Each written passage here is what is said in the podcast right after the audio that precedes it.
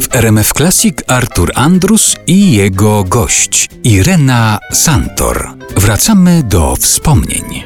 Chciałem panią zapytać, jeszcze wracając do tego wątku wakacji, bo pojawia się w pani życiorysie takie miejsce jak Polanica Zdrój. O tak. Tam spędziła pani część swojego życia. Ja od kilku lat bywam regularnie w Polanicy, tam się odbywa festiwal Marii Czubaszek.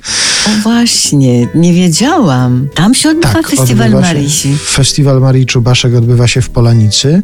To piękne miejsce, to jest coś takiego, to jest takie miejsce, do którego jak się przyjedzie, można się od razu w tym miejscu zakochać, a jeszcze pewnie jak się spędziło w nim troszkę czasu, no to wraca się tam z jeszcze większym sentymentem. Czy pani zagląda do Polanicy? Zdarza się teraz? Zdarza się, ale ja się znalazłam w Polanicy z powodu choroby mamy. Tam chodziłam do szkoły powszechnej, kończyłam szkołę powszechną, a ponieważ ja nie pochodzę z zasobnego domu, tylko raczej ubogiego, taty już nie miałam, bo tata został zamordowany w pierwszych dniach wojny, a w pobliżu nie było żadnej szkoły takiej, do której mogłabym pójść, a była szkoła zdobienia szkła, gimnazjum.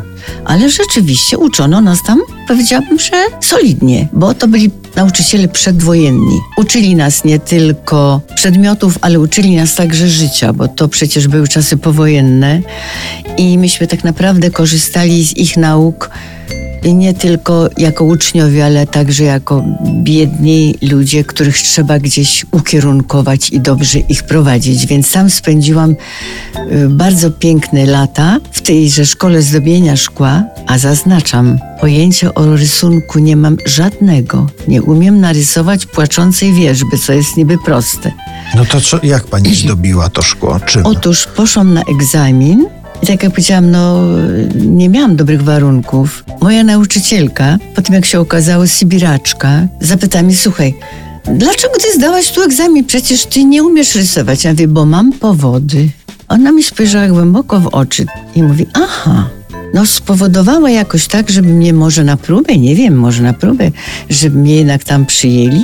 I ja w tej szkole Byłam trzy lata pełne, z rysunkami było zawsze kiepsko, ale odśpiewywałam wszystko, co mogłam.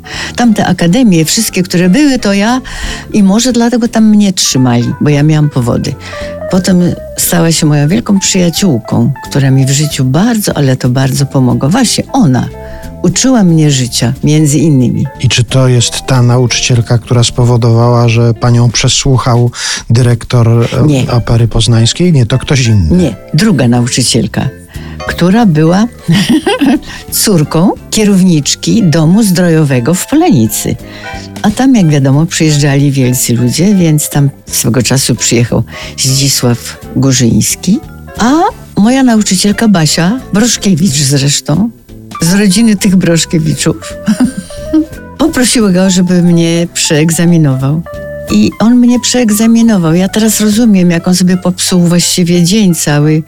Dzień w Polanicy, jakaś panienka przychodzi na egzamin, ale chciał. Patrząc na to, co się z panią później działo, jakoś sobie podarował ten dzień zmarnowany chyba. Może, I nie może żałował nawet, tego na może pewno. nawet. Dał mi list polecający do Sygietyjskiego. Oni się przyjaźnili i tak to się zaczęło.